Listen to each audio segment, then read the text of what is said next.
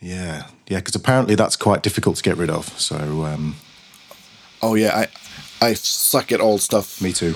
Electricity and, and wiring and stuff. It's like it's black magic. I, I stay away from it from, for fear of death. You know, I don't want to touch the wrong thing, and then you know have my non-existent hair go. "Ah," You know, be bad news.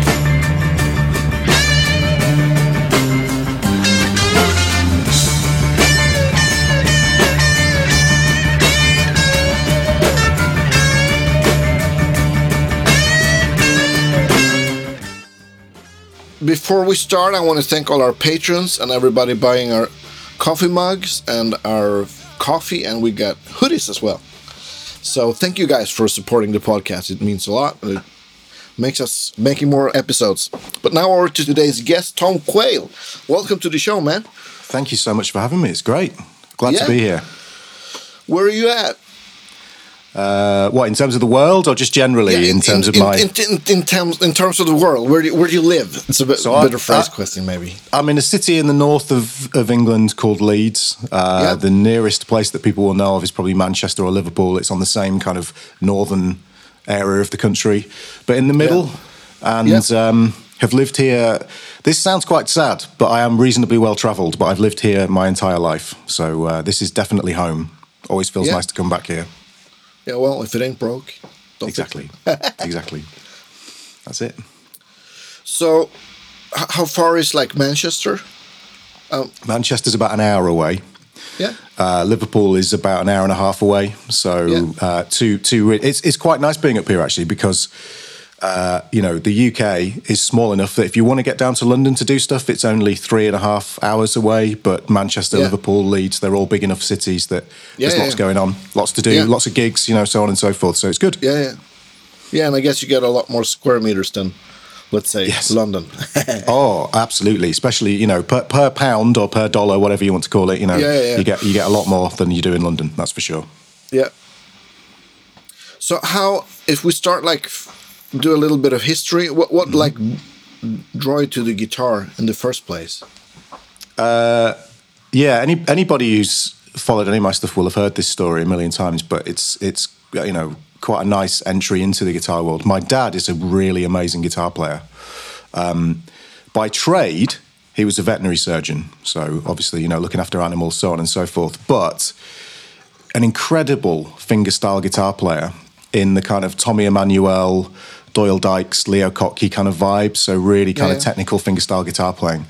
And my parents were both um, musicians as kind of hobbies, if you like. So they ran folk clubs in the UK.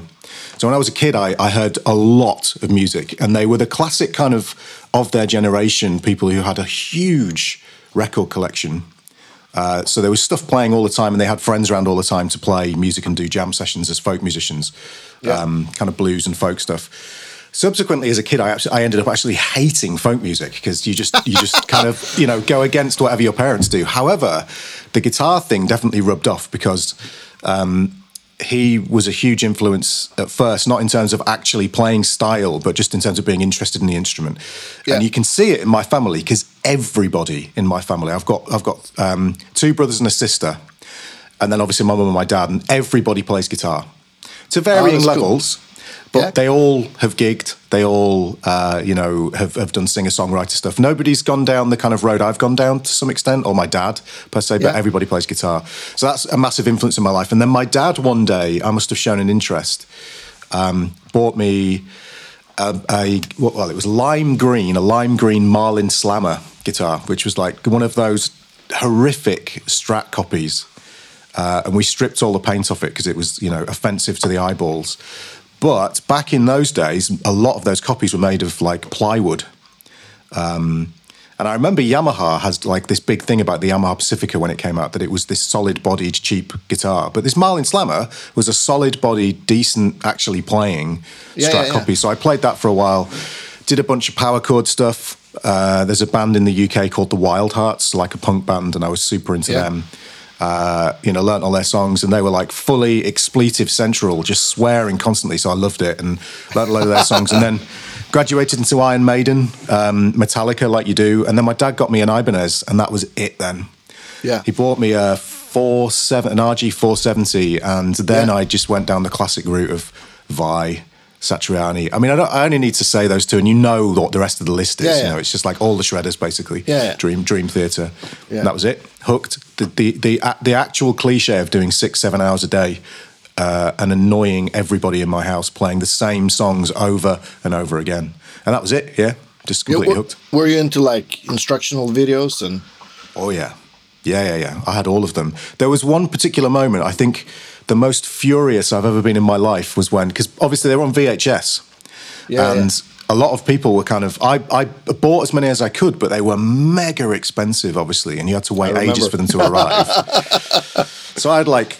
Um, the Paul, I had, uh, ter- uh, what was it? Terrifying Guitar Trip. Paul Gilbert I had um, the John Petrucci. Um, you know, uh, Yeah. what was it called? Rock Discipline. I had Yeah. the Frank Gambale ones. I had Chop Builder, all of those, and a Yeah. couple of them I had. Uh, I think my copy of Chop Builder was. Um, uh, it was a, a copied version, so I'm going to admit it now. Like, Yeah. if they want to arrest me, they can. But uh, it was a, a copied version of Chop Builder, and my brother videoed the. Um, he cop- he taped over it the Wimbledon final one year, and I was like, "What have you done? this is this." It was, I was Yeah, so oh. furious. But yeah, I had all of those things. I loved them. I loved them, and still do. I have a big nostalgia trip watching some of those REH videos. Yeah, yeah, yeah. You can f- find a lot of those on uh, online now. I love that. Yeah, yeah, yeah, absolutely. I, I had the, the the Kee Marcello one too. The guy from Europe, of course. Yeah, yeah, amazing. He's pretty. I'm from the north of Sweden, and he's like from the the closest big town. So that yeah, was- yeah. Oh, epic. yeah, yeah. That was so cool. So what what amp did you have back then? Oh man, well this is a funny story actually because I, I'd had like a lot of guys back then a Marshall valve state, and I think it was called the eight zero zero eight or something, um, and it was loud and ice picky as they were, solid Yeah. state obviously. I mean actually they've become quite That's the 80 watt one twelve one, right? Yeah, Or- exactly. yeah. Yeah. they've become quite desirable in some ways in the metal scene because they have this very specific sound. I think Meshuggah used them for a while or something like Yeah. that. There was some kind of, you know, a, a mate of mine, John Brown from Mon- the band Monuments, is really into them. Um, Yeah. And actually, I saw him do a video with it a few weeks ago, or a few months ago, and it sounded great. But when I used it, my parents lived on a, a, a small holding farm, which was amazing when you were a kid because you could crank the amp up really loudly and there was nobody else around. So I used to sit in this barn that they were converting at the time with a record player and this Marshall valve state. And the valve state was on my left side and I cranked it and used to play along with all the albums um, at full volume. But it's made me partially deaf in my left ear. Oh, Like shit. Like I've lost Yeah. a lot of frequencies in that left ear and lost. So when I'm when I'm on the phone, if I move the phone from one ear to the other, there's this drastic difference in volume. Generally, I've got used to it just in day to day life, but it also gives me problems if I'm. Not that I'm very good at mixing, but if I am mixing, it gives me problems with stereo image and stuff. I'm not very Oh, good I at totally get that. You know. Um, but yeah, it was. A, I loved that amp. Absolutely loved it. And I had a Zoom 1010 as well as my effects unit. You know. Yeah, yeah, yeah. I, I thought it sounded amazing. I'd, I'm sure I'd be appalled now if I heard it, but Yeah. I thought it was incredible. Yeah, I loved all that stuff. Oh yeah, me too. I, I had the 8240 It was like a 212 with stereo chorus, but essentially the same amp. So yeah, yeah.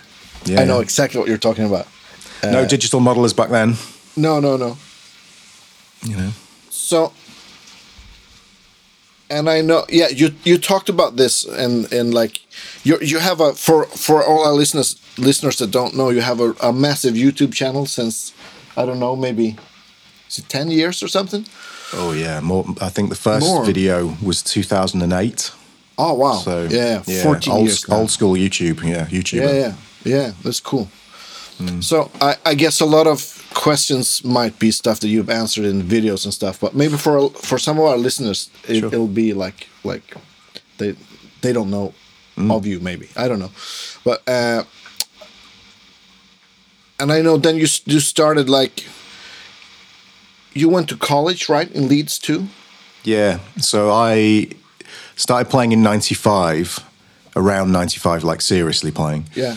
uh, and went to Leeds College of Music in 1999, which which was you know a, a jazz conservatoire. That's that's how they would call it back then. Yeah.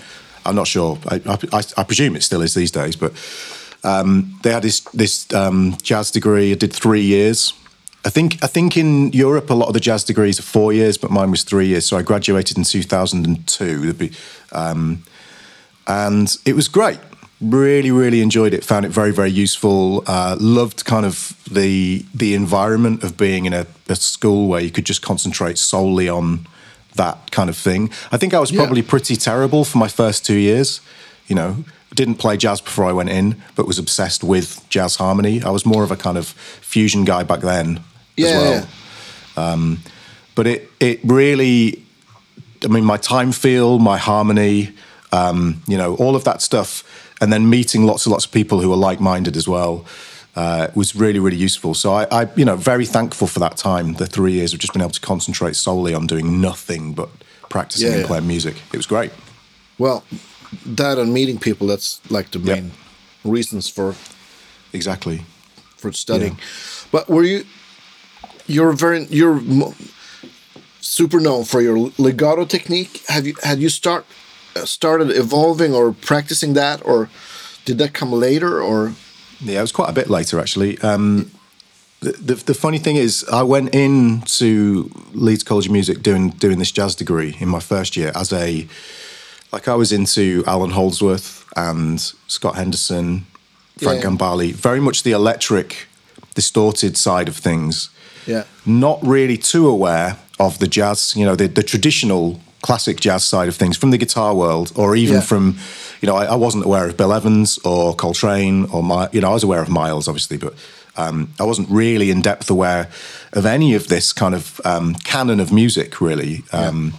But was really into the harmony, was really into the guitar players in that kind of fusion world, and then got super, super into playing. I, I, wanted to be Pat Metheny, basically, like a lot of guys do. Yeah, they, yeah, yeah. they get into that world, the jazz world, and they they want to they idolize certain players. Obviously, we do this in all genres of music. You know, whether it's blues or rock or you know fusion jazz, whatever funk.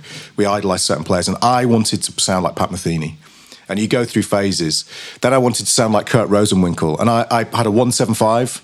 You know, I, I, when I, when I went into Leeds College of Music, I had a, a flame topped blue RG five seventy the likes of which I still search on reverb.com regularly yeah. for, and you never find them. But and I sold it in my first year, took my student loan, and went out and bought a 175. I bought a Polytone, and it was yeah. just guitar, cable, straight in. I became the full on kind of like, you know, hardcore jazzer basically. Yeah. Um, and I wasn't doing any legato at that point. I, I, was doing the kind of Pat Metheny approach, trying to play bebop, and never ever had yeah. the right hand for it. It just when when you are, you have to articulate in a very specific way when you play swing eighth note lines. Yeah, My yeah. double time stuff always sounded okay because as you play double time and you play it higher, straightens it straightens out, out yeah, exactly. So the note density means that you can you can straighten out a lot. So that always worked really well for me. That wasn't a problem.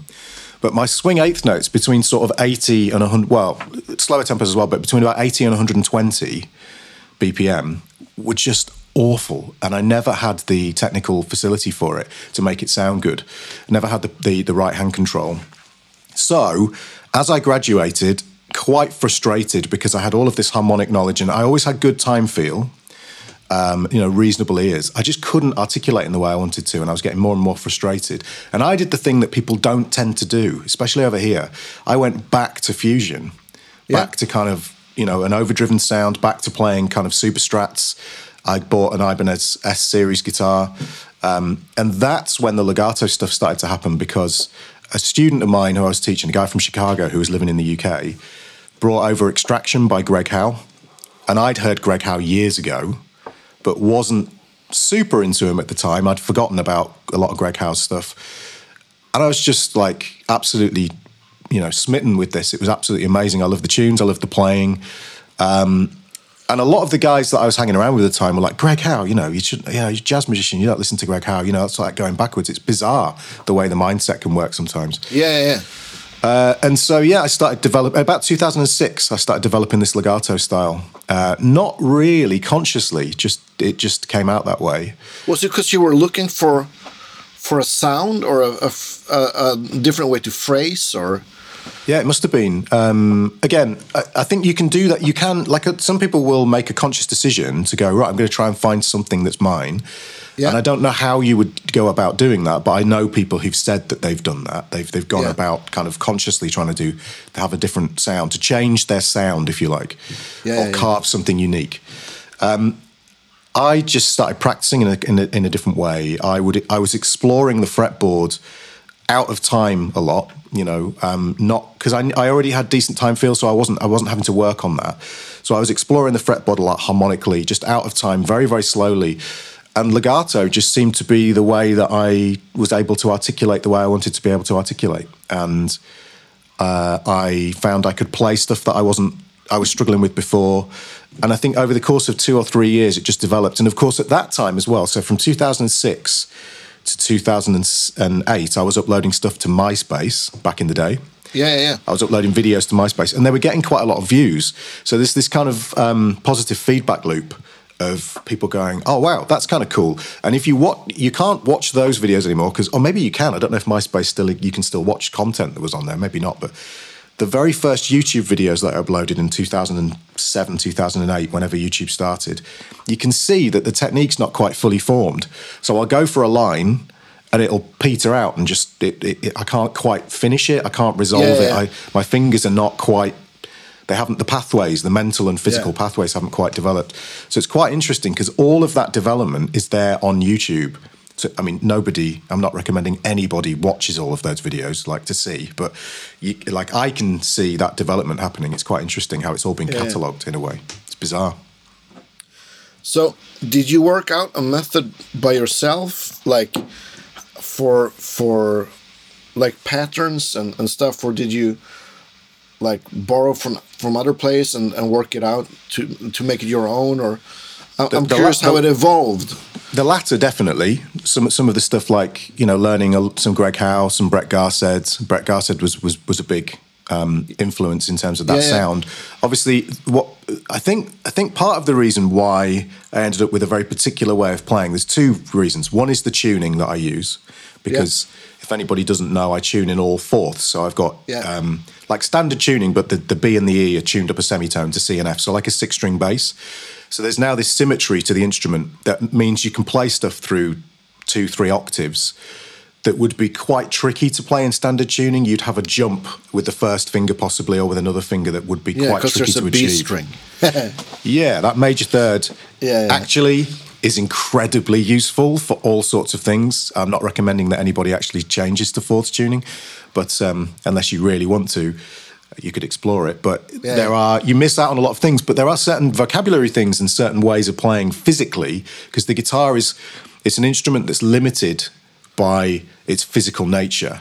Oh, because yeah. of those fourth intervals between each of the strings and the fact that you can't play close intervals particularly easily, unlike on a piano. Um, you know, there's there's a lot of stuff. There's a lot of compromises that you have to make from a technical perspective and fourth tuning allows you to do things that are a little bit more difficult than in standard tuning. So that was the first thing. And then the second thing is I was playing a lot of this stuff through very complex chord changes. So I was trying to thread some of these ideas through tunes like 26-2, Giant Steps, yeah. um, you know, some Chick Corea tunes like Windows or, you know, really quite complex harmony. And that means that the fingerings that you play, you're not, you I wasn't just running exercises through scales you know, just through a single harmonic area. I wasn't taking like a Dorian scale and just running the, those patterns through the Dorian yeah, scale. Yeah. I had to actually thread the lines using this technique through the changes. So a lot of the, the vocabulary that I've got in my playing was from very, very, very slow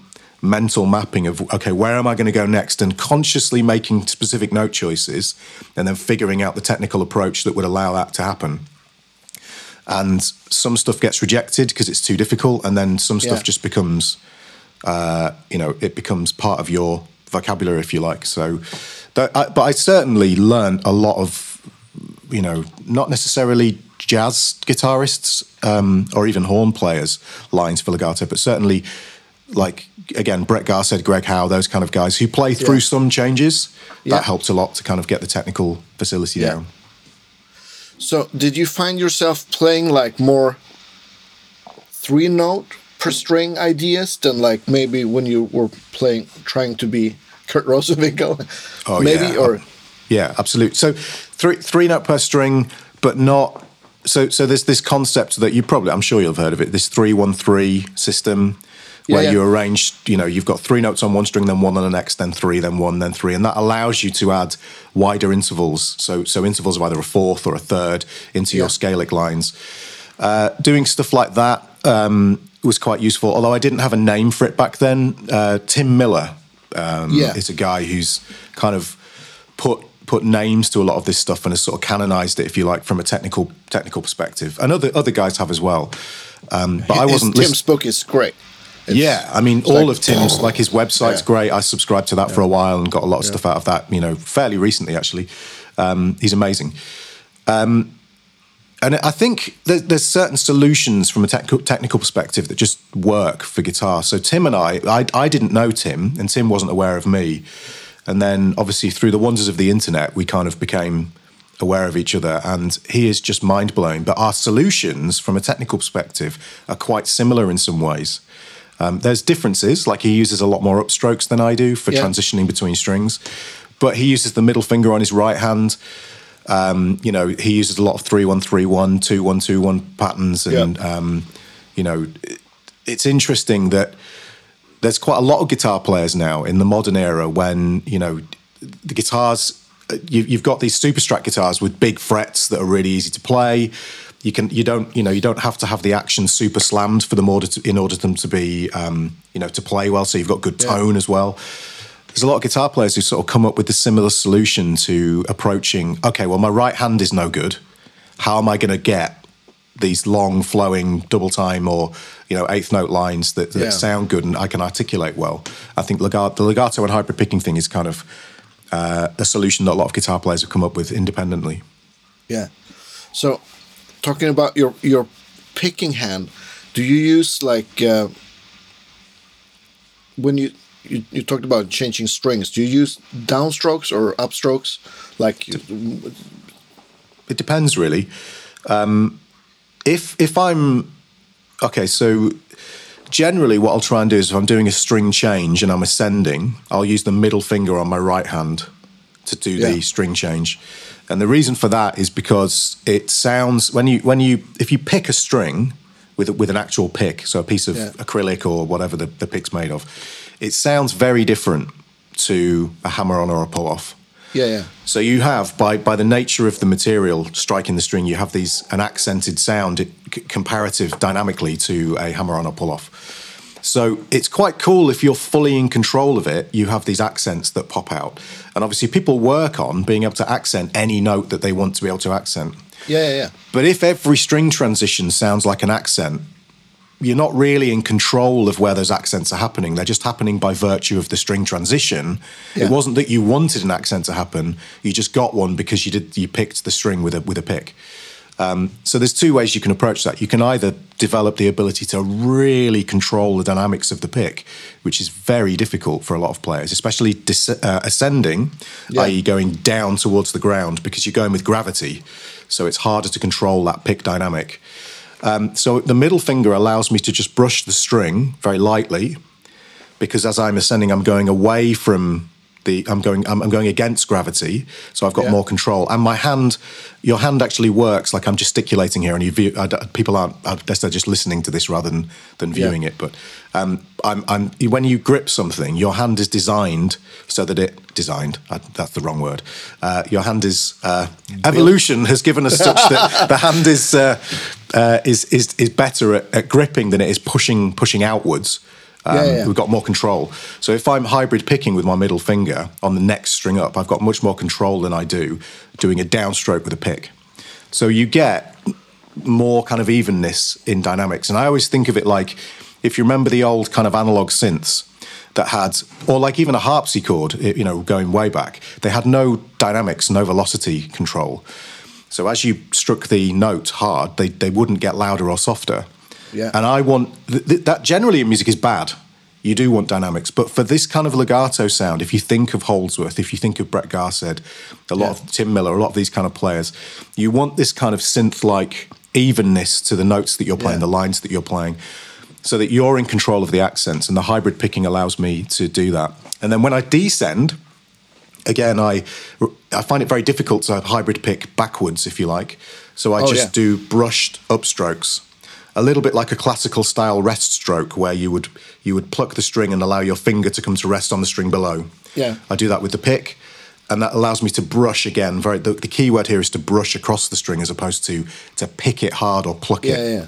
You know, and that seems to work quite well for me. So I, I guess your your your pick attack is if you're doing that and going for the smooth legato thing, it's it's kind of it's light or medium. Yeah, it's light. Yeah, it's Yeah. it's literally a brush. If you think when people think about hybrid picking in particular, it often sort of is conflated. Not that this is a bad thing, but it's conflated with chicken picking. You know, where you Yeah, yeah, yeah, totally. and you pluck really hard. This is very specific country-esque sound, which is designed to be quite uh, abrasive. Is not the right word. Quite a dynamically kind of you know loud sound. you pluck the yeah. string, and Yeah. the, the, the, the strength of the pluck is part of the sound. That's not what I'm doing at all when I'm playing those lines. I mean, I do do that in my playing if I want to do it. You know, that's if that's the sound we're going for. But for those Yeah. 16th note, you know, 30 second note lines, the double time stuff for legato, it's all about the smoothness and the dynamics being fully controlled. So it's literally just brushing the string with the middle finger or, Yeah. or with an upstroke with the pick. Um, yeah, but I do dig in when I play as well, often, but not for those legato Oh, yeah, yeah. lines. Know. But h- how did you? What what made you start using like hybrid picking? Was it? Did you? Uh, was it out of necessity or or or how did you start using hybrid picking? Since it's it's I I, I don't I don't know of, of another like. Holdsworth didn't use, use that. He he he picked No, everything like. no. Yeah, that's right. Yeah. And- I, for me, a lot of my technical approach is, like you say, through necessity. It's basically Yeah. there's a flaw in my technical ability that forces you down a direction that you you have to find a way of doing something uh, in order that you can articulate the lines that you want to play. And for me, if I if I play those legato lines and I have to do every string transition with the pick, there's too much movement going on with the right hand. I don't have the right hand control, and it's it comes back again to why I struggled with, like I'm never going to be a bop player, never. Like I I totally understand how to play bop. I have all of the vocabulary in my head, and I understand how to form that vocabulary. But I can't articulate it. I can't play it. I don't have the right hand chops. Weirdly, I do. I mean, I get told off for this when I when when I say to people, "Yeah, I can't pick," and they go, "You can pick," because I can pick really fast. I have the ability to do that, but very specific, predetermined things. So I, I learned, like we were saying at the beginning, I learned all of those John Petrucci kind of speed exercises, yeah, that's a lot of picking for you. and I can play. I can play them. Yeah. But there is a massive chasm of difference between being able to play those very specific exercises and then being able to improvise with vocabulary and get the articulation to sound correct and not and have that control with your hand because when you improvise when you, when you play those predetermined licks there's this because of the predetermined nature of them you know that every time you cross to the next string you know what the pick stroke's going to be Yeah, yeah, yeah. so you can work on that very specific thing. But when you're improvising, you don't have that luxury of knowing, you know, you, you might be playing a line and you find yourself in a certain part of the guitar and you have to articulate the next note with a downstroke where you might have physically wanted to do an upstroke. And it, you know, you don't always have the luxury of that. So that's where my picking falls apart. Where, you know, I, if I'm playing improvised material, where, you know, you know how it is with improvisation. Sort of, I don't Yeah, know yeah. what the what the what the, the ratio is, but a certain amount of improvisation is truly improvised, and then a much larger chunk of it is muscle memory. Uh, I that that little that that percentage of of, of stuff that's truly improvised is what throws me out when I'm picking. But if I use hybrid picking and the, the motion of the hand is much less, then I am much more in control and able to play what I want to play, basically. So it's it's literally like you said, it's through necessity. Yeah. It's so cool talking about this since playing the electric electric guitar is such an a young instrument. It hasn't been around for long. Mm.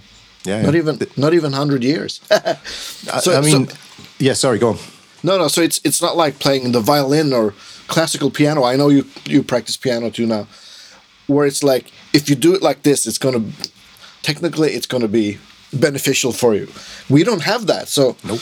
Uh, um, uh, and and there's such a big difference from playing like your style or playing Django style or playing uh, like a player like Tosin. It's like Yeah. that's like that's like three different instruments. It's It's nuts. It's completely yeah, nuts. it's it's it's strings and it's a guitar, but it's totally different, and that's I, I love that about guitar. And Yeah, I, I I, play a lot of slide guitar and, and stuff, and that's that's another thing that's totally different from. This is it. I remember Yeah. the first time I saw, because I'd heard loads of Pat Metheny, and I remember the first time I saw him play and saw how he hold, held his pick, and I was like, what? Yeah, yeah. How is it possible that you can play the lines that you play? Because you have this predetermined image, and you, you know, you're like, oh, surely Yeah, he holds the pick this way. And again, like like you were saying, you know, um, Django or George Benson is another one. You know, the Yeah. the Benson way of holding the pick, where it's sort of the hand is almost backwards. You know, Yeah. it's just it's so interesting how many different techniques there are. Steve you know. Morse. Steve looks Morse, totally absolutely. bonkers too. I mean, Eddie Van Uh, Halen yeah. held the pick Oh, in yeah, a yeah. slightly unusual way. You know, it's like, uh, and uh, you know, I've thought about a lot of this stuff. I mean, the, one of the problems I have with my particular technical approach, and I'm sure this is the same for all guitar players. And if you know, if anybody out there has experienced this, I'm right there with you. Is you will have one of those epiphany days where you think, right, I'm going to fix my picking technique. And and it's really, I mean, I've done this so many times, it's really foolish, but I still find myself doing it from time to time. Right, I'm going to spend a month and I'm going to fix my picking technique. And you change something about your technique. So there's this, are you aware of Troy Grady? Yes. So Troy has this, um, uh, what, what does he call it? Um, I forget what the name for it is. There's a particular um, way that you're supposed to lean the pick Oh, to, I- yeah, yeah, inside and outside. pick. I forget what it's called. Um, and I thought, right, I'll try this. And I watched all the videos and I tried it. And I did it for a week, and it completely screwed up my hybrid picking. I just couldn't do it anymore because the position of my hand had changed. So my middle finger no longer understood where the hand position was. And I just thought, this is, I got scared and thought, this is ridiculous. I, you know, your hands, I've been playing the same way for, you know, 20 odd years. If I Yeah, yeah. change stuff now to try and fix my picking technique, I could screw Something else everything up. Fell apart. I can't play anymore. So yeah, you got to be careful. Oh man. So how, how is it? Do you find it easier to play like swing feel with legato than you than you said tempos with like mid?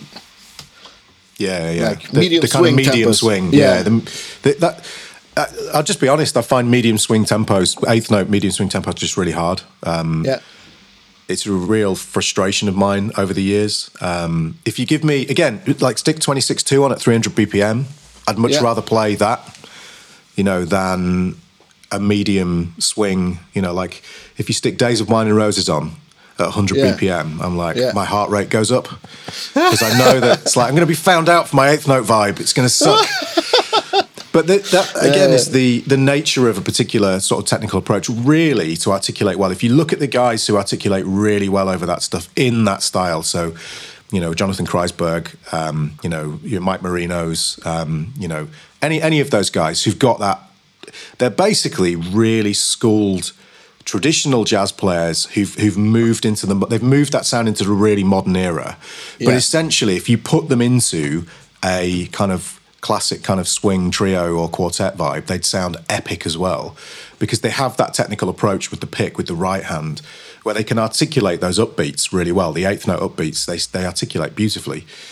You can't do that with a legato approach. You sort of can. There are guys who do it. So obviously John Scofield is a classic example of somebody who does not pick everything he plays. Yeah, Pat yeah, yeah. Metheny doesn't pick everything he plays. There are people who do it, but they have a particular approach to their vocabulary. Yeah. And it's why you can recognize Sco immediately because his eighth note lines have a particular sound to them. He does a lot of two note per string stuff where it's pick, pull off, pick, pull off. Oh, well, Yeah. yeah. yeah. But the, but the pick note is on the upbeat, it's on the and of every single beat. So you get the art because obviously what you want is you want the the accented note to be on the offbeat. So you get the do ga do ga do ga do ga do ga kind of thing. And the easiest way, it's not easy, but the easiest way to do that on guitar is to make sure that every string transition where you pick is on the offbeat. So you hear Yeah. a lot of Sco's lines where it's like two note per string stuff, where he'll do pick, pull off, and the pick note, as I say, is on the upbeat. Yeah. Um, but that's not how I play. And again, when I've tried to go back and think, okay, I'm going to sort my eighth notes, you know, the epiphany days where you go, I'm going to sort Yeah. my eighth note swing, te- no swing, swing vibe out. I just screw everything else up about my playing. So um, you know, I'm, I've I've got what I've got now, Yeah. and I've got to I've got to deal with it, and it's okay because there's some good Yeah, stuff. But my Oh, eighth totally. note swing lines are going to sound kind of sucky for forever Just- now. I think. yeah. It's fine. Avoid it. it's fine.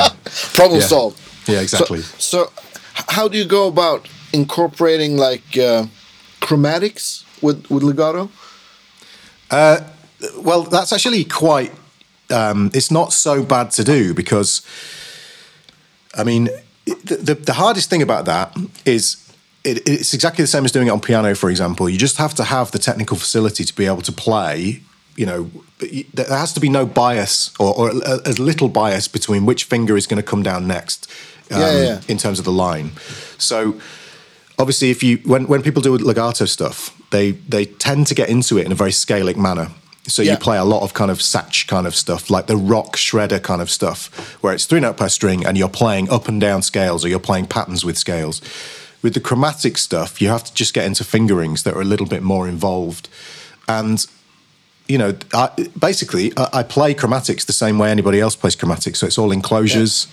Um, I will do, you know, well, basically resolving onto chord tones on strong beats, or you know, resolving, Yeah. um, you know, the classic kind of jazz stuff. But I've had to work out how to do it using legato technique, and in reality, apart from not being able to articulate the eighth note swing stuff at medium tempos, it's no different really. It's just you're not picking every single note. You're, you're No. using leg- a legato approach, but but theoretically, it's the same stuff. You know. Yeah. Oh, cool. So, would you recommend practicing legato lines with like a distorted sound, or could you do it like on an unplugged electric guitar, and or is it beneficial to have a sound that is maybe doesn't make you play as hard, like physically, or Yeah, there's a couple. Well, yeah, that's a good question because um, it depends on what your end goal is. Really, I mean, Yeah, yeah. most players who play legato uh, don't use a really clean sound. No. although some do, and I do from time to time. Um, and I do legato on acoustic. I mean, I don't play acoustic any differently to the way I play. I don't, you know, I play legato on acoustic as well yeah, yeah, yeah. the the difference would be if you if you do use overdrive, you have to have good muting technique. And I know that's the same for picking, but obviously when you pick, you've got generally more.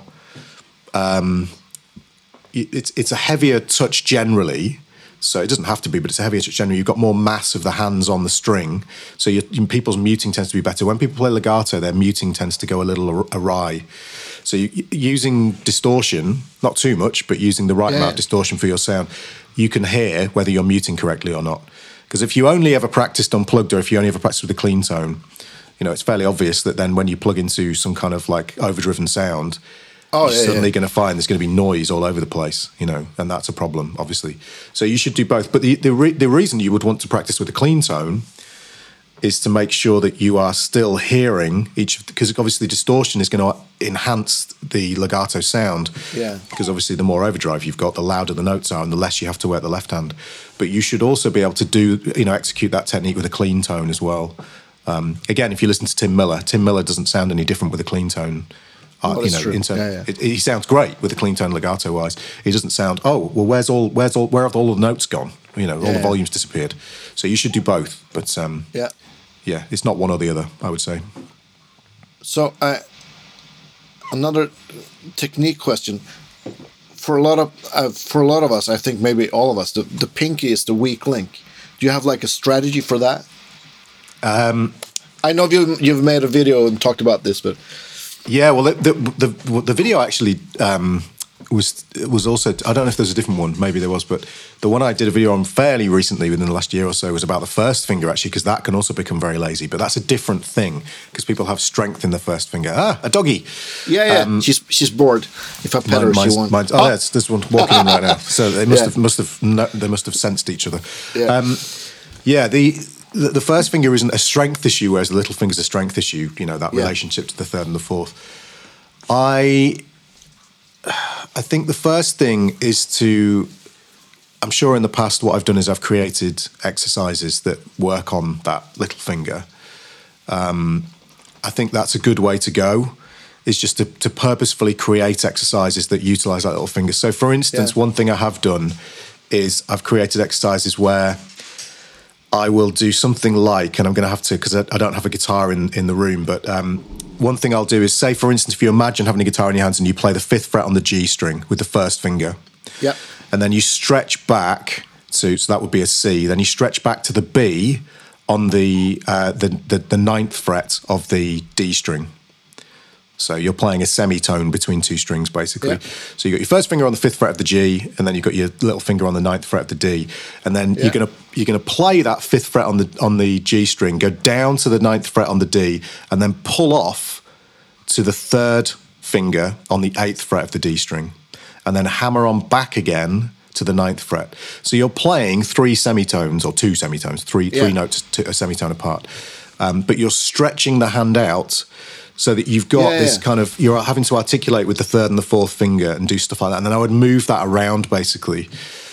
Totally academic, non-artistic exercise, just something to, to work on. You know, anything like that basically where you're having to isolate this pair of fingers. Yeah, yeah. But the reason I would do that is that is actually something that you could use in a playing context because I've seen other people do exercises where you you just isolate the third and fourth finger and then you go down playing two notes per string just you know pick pull off pick pull off pick pull off pick pull Yeah. off and it's kind of a nonsense phrase it's like one of those warm-ups that you see people do Yeah, yeah. You, you, um, it's yeah. Whereas, whereas the phrase I was talking about before, you know, you could actually utilize that as, as the beginning of a little chromatic phrase or something. It's actually useful vocabulary to be able to do that. And I would just move that around the guitar in various different ways. But you just have to come up with ways of working on that little finger because basically it's just about using it. And people, if they just play and they don't think about it, you, you see a lot of players who just end up using three fingers and they just avoid that little Yeah, finger yeah. at all costs. The more you involve it, the happier it'll be, basically, you know. So did like having epiphanies like this? Did that make you do like uh, starting to do your own material and because you have a lot of instructional material going Yeah. back? I don't know, maybe ten years or more. Yeah. Um, so you're talking about the instruction material rather than Yeah, yeah, yeah. yeah. So uh, Yeah. did, did did you did you think like, hey, wait, people could like benefit from this? Or Yeah, I think so. I mean, there's a weird.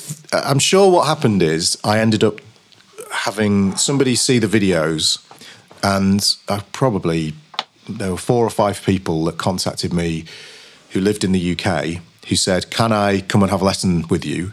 And Yeah. they've driven up from wherever, and then basically they've they said to me, "Okay, so this legato thing you're doing, how are you doing it?" And the the weird thing about teaching is that while you're going through the process of coming up with this material, and even the word coming up with it is not right, you're you're going through this organic period where you're not you're not necessarily consciously thinking about all of the decisions that you're making in terms of how is this going to work? How am I going to do this technical approach? You're not writing it all down. You're not consciously cataloging it. It's happening in quite an organic way. Yeah, you're yeah. just going through this process, you know. Um, and then when someone says to you, okay, well, how did you get to this point? What are you doing? You have to retroactively break it down. Yeah, yeah, yeah. And in some cases, you have to come up with a method of how you're going to teach this stuff. It's not always the same. The way you did it is not necessarily a good way of teaching it because you may have gone through some dead ends at points and you may have gone through some very inefficient ways of doing things. So I came up, um, you know, with a with a bunch of tuition material that I could give to students at the time when I was doing. I don't do much teaching in person anymore, but or, or even on Zoom or whatever. But um, I was doing a lot of it back then, and I came up with this material and gave it, you know, gave it to people, and people really got a lot out of it. Yeah, and yeah. so I guess the next logical step is to like, okay, well, why don't I just release this material as a paid product that people can buy?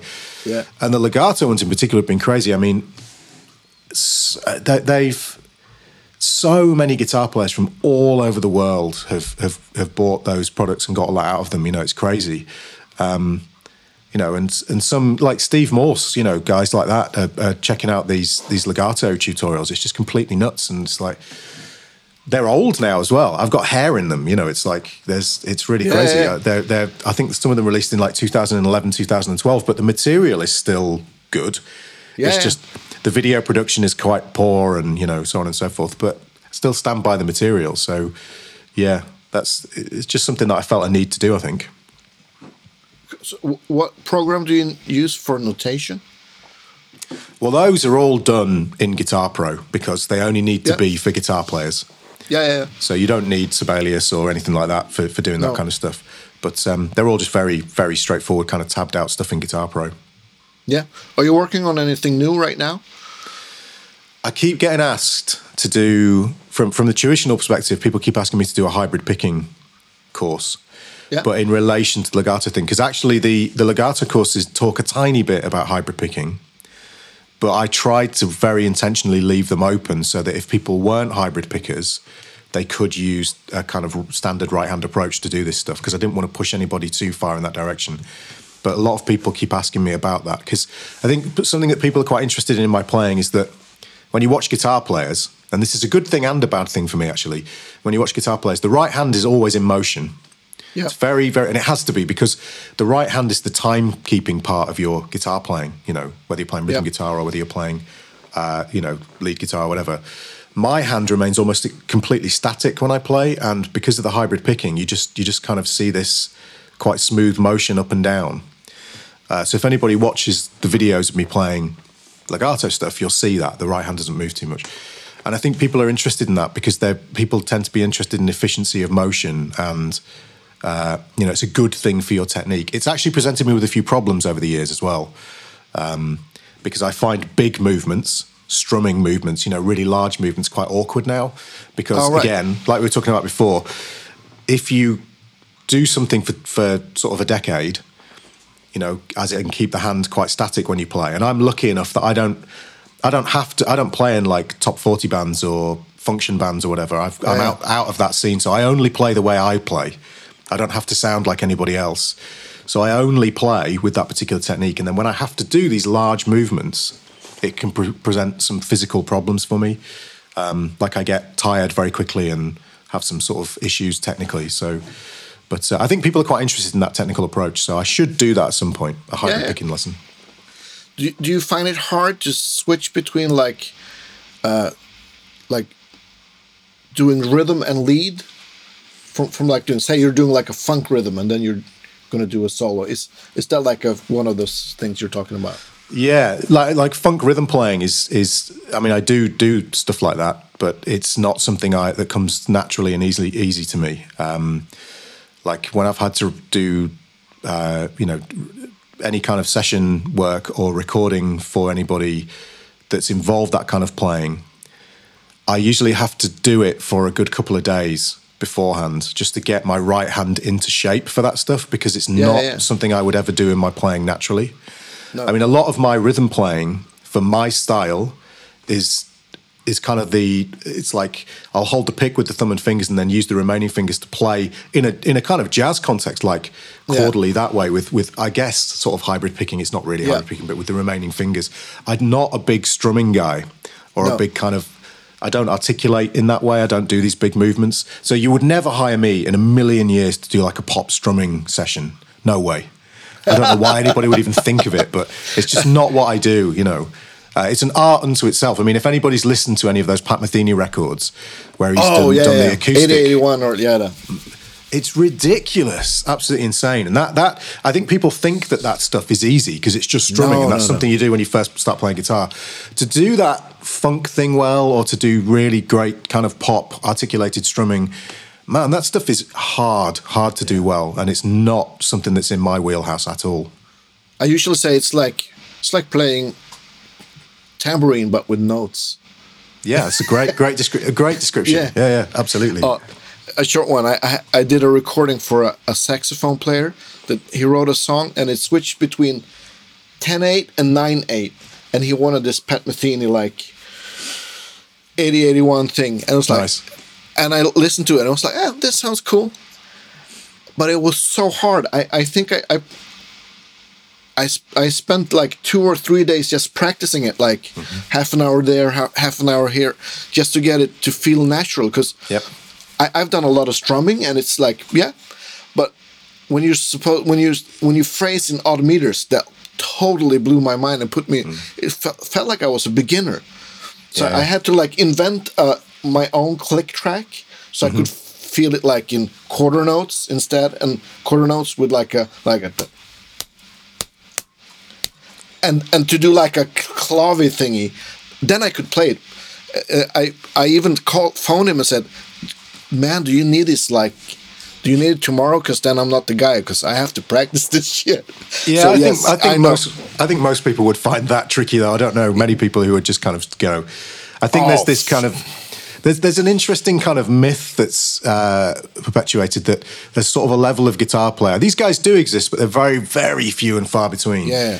who can just get anything in a session and just play it straight away. I mean, everybody has particular technical approaches that kind of make some some things quite difficult to execute. Yeah. You know, if you're a legato player, you- you're going to find if you've got to play, somebody hires you to do some kind of really crazy metal rhythm guitar part, you're going to find it difficult because you're not a right hand guy.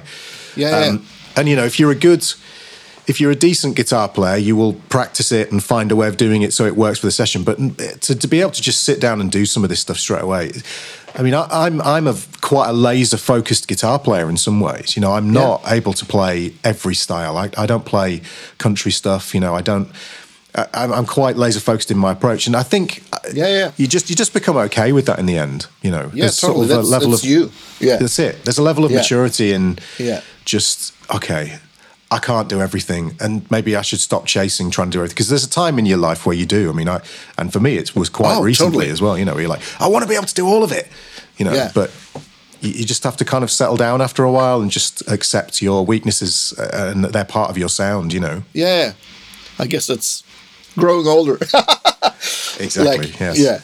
No, I, I don't think like Derek Trucks lies Yeah. sleepless about his legato no, no. playing or No, I lie sleepless about his uh, slide playing though. But well, yeah, we all do. yeah, that's it. It's ridiculous. oh yeah, yeah. So you were really early on like the YouTube thing.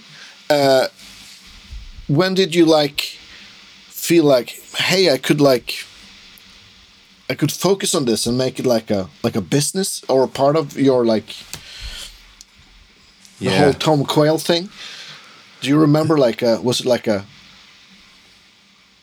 Um, an event or a video or like the flu or there, there wasn't a video. Um, I think one of the things that I was quite lucky about was that I was I was doing content for quite a lot of other people as well. So Lick Library back in the day, I was doing a lot of content for them, and so that helped my videos as well. Um, and I was quite early on the demo scene as well. So you know you find some very early demos of of kind of pedals and guitars and so on and so forth yeah and so those were always useful. But I think back in those days, one of the things that was quite good was that you could. Now you've got to have insane video production chops, yeah and I, I'm, I'm quite lucky in a way that I am into all that gear. You know, I I spend, in fact, the majority of the money that I spend in my life these days is on camera gear and video gear and so on and so forth. I don't really buy guitar gear so much anymore. So I am into all of that stuff, but you've got to have insane video production shops these days, you know. And back in those days, I had a white clamshell MacBook, and you just used the 480p webcam on that, and just it was Yeah, good to go, you know. Yeah. And you'd get a lot of views on that stuff, and it was literally just you, you opened it up, hit record, and just played. You didn't even have to play anything specific. You didn't have to play like a one one minute kind of Instagram worthy perfection clip. All of those Yeah. videos back in those days were very raw, just some Yeah. playing, you know, and you get a lot of views on them. So I, I think if I started now, there's no way I could build up a YouTube channel. Not a chance. I wouldn't have. I just wouldn't have the staying power for it. You just got to do so much, you know, work on these YouTube channels and clickbaity titles and thumbnails and all this kind of stuff. I'm just for a long time I guess too for a very long time. Yeah. Yeah. You know, I'm just, I think, again, the luck thing, very lucky when I started. You know, it was a, an Yeah. open space where there weren't that many people doing it. And been lucky enough that the channel has had staying power in some ways. Although, you know, it's in, in the grand scheme of things, I mean, what's my channel got? 111,000 subscribers, I think, Yeah. which in the grand scheme of things these days is tiny.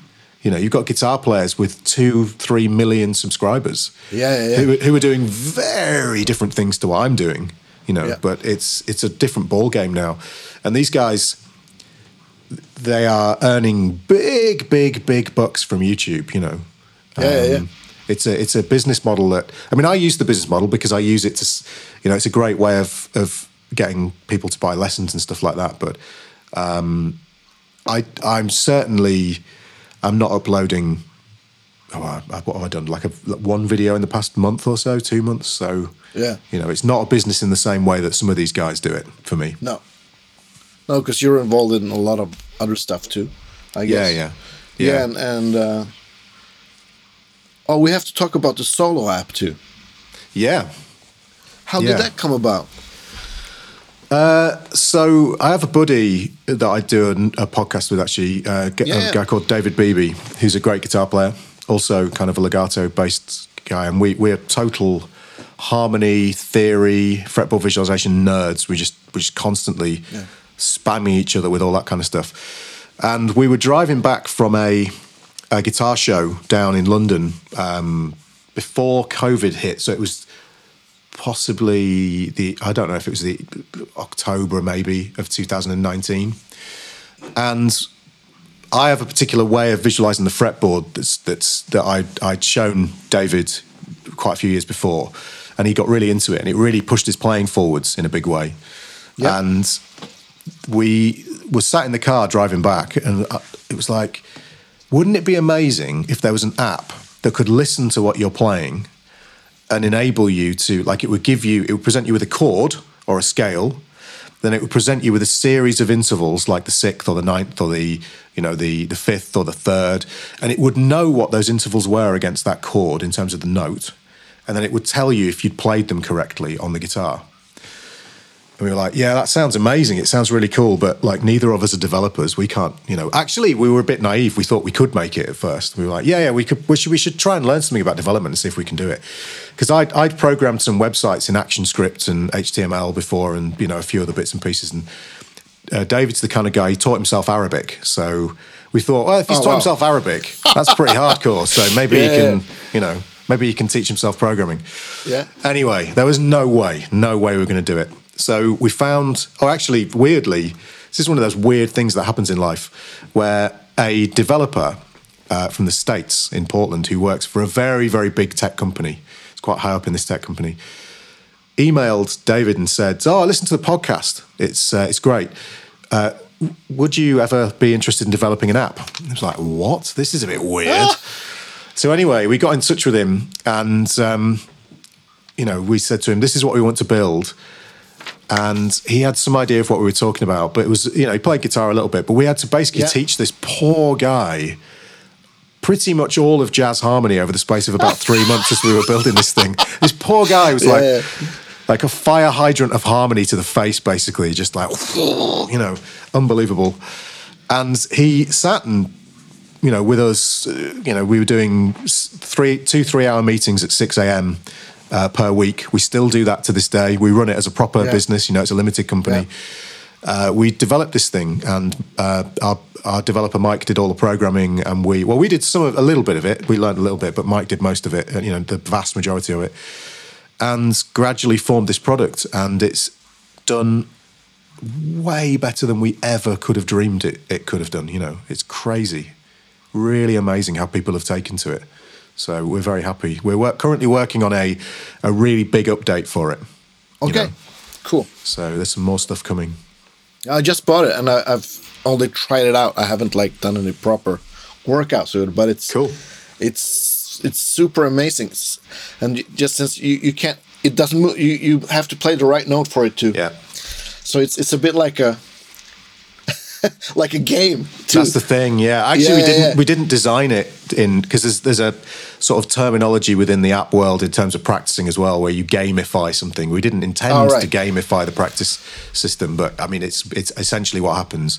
Again, you get this kind of re- reward feedback loop of, oh, I got it right, and Solo tells yeah, you yeah. you've got it right, and it moves on, and it won't move on. You know, you play all the notes, and it won't move on until you've actually got the correct one. So. Yeah, it's an interesting process because I was actually talking to someone about it yesterday.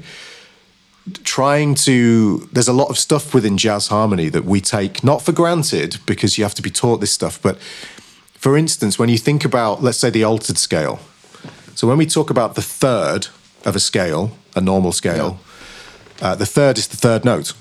It, it, it, it happens to be the third note but it's actually the third of the chord or the third of the scale Yeah. you know. Intervallically it's the third. It's Yeah. the function of that note so that initially seems like, oh, it'd be dead easy. Just, you know, when you're developing a piece of software, it just needs to know that the third is the third note in the scale. But of course, when you do the altered scale or diminished Yeah. scales, the third is the fourth note. It's like, okay, well, that's a bit weird. And there's two types of ninth there's a flat nine and a sharp nine. Yeah. And in the diminished scale, there's a flat five and a five. So which five of it is it supposed to pick? And then sometimes people want to play Phrygian dominant. They don't want to play the altered scale. Uh, you know, and there's all sorts of crazy stuff. Like the sixth is actually the thirteenth, but it's in the same octave for jazz Yeah. musicians. You know, we think of both of Yeah. them as being the same thing.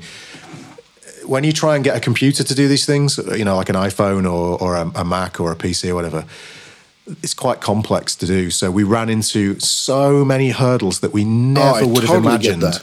that. that you would have come across trying to develop something like this. It's nuts. Yeah. It's well, it must have taken quite some time to Took a year. develop it. A year. Yeah, yeah, I totally Yeah. get that. yeah, it was a long time, but it was worth it. It was incredible. yeah. Uh, we haven't talked anything about gear. We have to do that. You, I know you have a, a signature gui- Mm-hmm. guitar from Ibanez. Is that is that based on, on on an existing model and you've tweaked it, or how did that come about?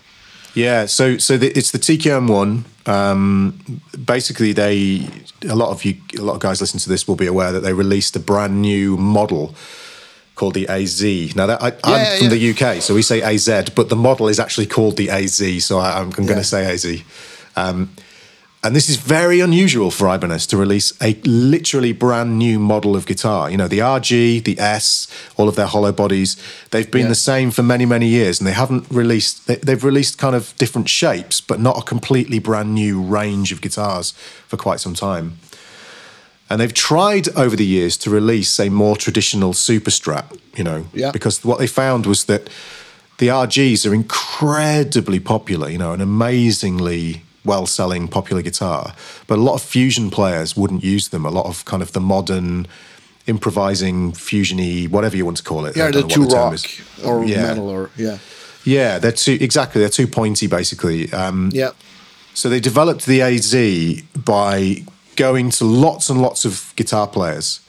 Um, you know, guy, there was myself, Martin Miller, Marco Sfogli, Luca Mantovanelli, um, a bunch of guys, basically. Andy Timmons, obviously, you know, some of their existing artists. Osnoy was involved as well yeah. and developed with all of these guitar players this this super strat guitar and um, you know big a thicker neck different sounding pickups um, more traditional kind of design but with a, a really amazing all access neck joint stainless steel frets locking tuners a more traditional um, two point floating trem uh, Yeah. they adjusted the string spacing titanium saddles you know really high end components and then they contacted Martin and I completely out the blue. I had no idea. In fact, they contacted me first, and I was like, by email of all things, and said, We'd like to build you a signature version of this guitar. And I was like, What the hell is happening right now? This is just the weirdest thing ever.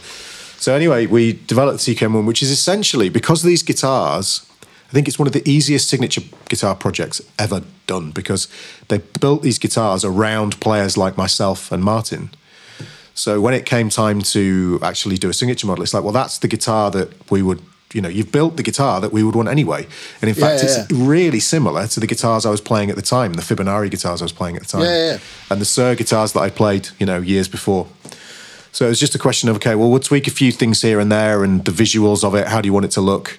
Um, and that was it, basically and it's they, they've they've done really well. You know, people have really taken to them uh, really really well, and the AZ has now become a kind of a model in the same light as the the RG, you know, the S, so on and so forth. It's a really well selling Ibanez guitar, so it's amazing to see people have really taken to them well.